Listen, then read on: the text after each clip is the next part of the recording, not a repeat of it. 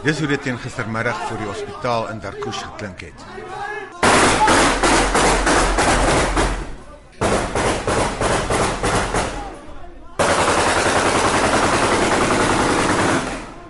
Skote is vir meer as 'n halfuur lank in die lug gevuur terwyl hy onder ons in die voorportaal van die hospitaal uitgebreek het.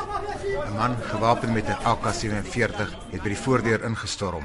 Die soldate wat die hospitaal oppas, het probeer om die geweer by hom af te vat.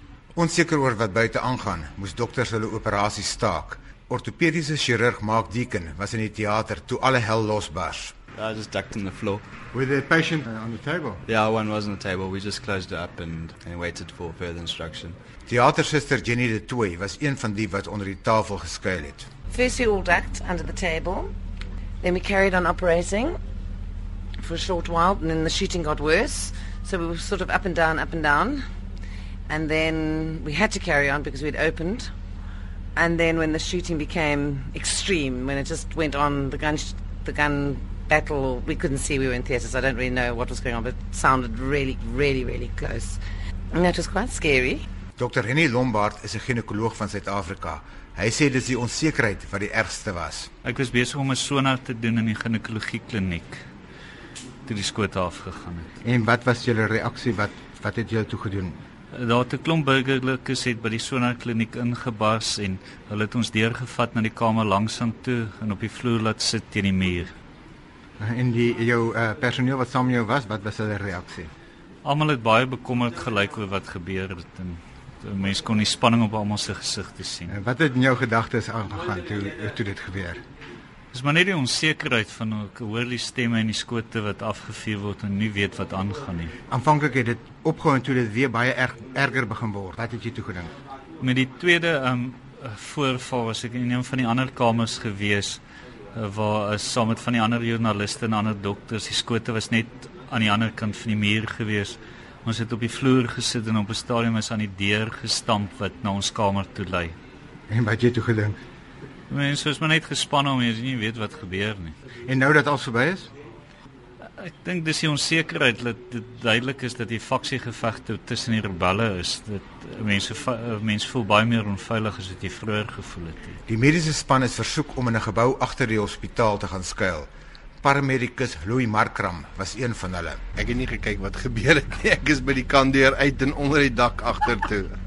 Dink jy dit was ernstig geweest? Enige tyd as jy in die lug inskiet, wat opgaan moet afkom. So uh, ek kom onder 'n dak uit die pad uit. Kort daarna is die dokters na 'n veilige gebou 'n kilometer of 2 van die hospitaal geneem. Daar is hulle deur die leier van die militêre raad van Darkush toegespreek. Dr Ahmed El Gubashi het as tolk opgetree. Yes. Uh, what he uh, what he thinks happened is that one of the unit leaders were ki- was kidnapped by some outlaws, and so they managed to capture him back. So people were excited, and they were just this was started as a celebration. Trauma spesialis Rosan Simmons het die ontvoerde man behandel wat by die hospitaal afgelaai is en die rede was vir die vreugdeskote. He had a laceration to his forehead and his right hand, small lacerations that needed suturing. He had uh, he was dehydrated. He had abrasions to both his legs, and he had growth. So as people were celebrating outside, some of them wanted to come with the injured inside the hospital. So the hospital guards tried to prevent them from coming with guns. So that's when the friction started to happen and things got a little bit out of hand. So it was not one unit fighting another unit. That's not that's not what happened. It's just what happened that the people were celebrating tried to go into the hospital with their guns. So they tried to prevent them from doing that. And he promises that that this will never happen, happen again. Nobody will come in the hospital again with guns. That's history now, according to him.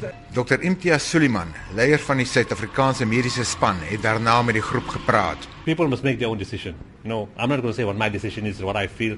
Everybody is free to make their own decision, whether to come back or not come back, or leave today, or leave tomorrow, or leave the next day. It's fine. It's not a problem.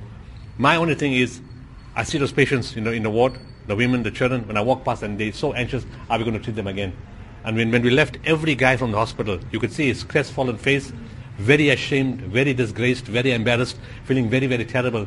Besides the incident in the hospital, this is not their culture. When a man said, I defend you with a sword, he really means that. He'll give his life for you.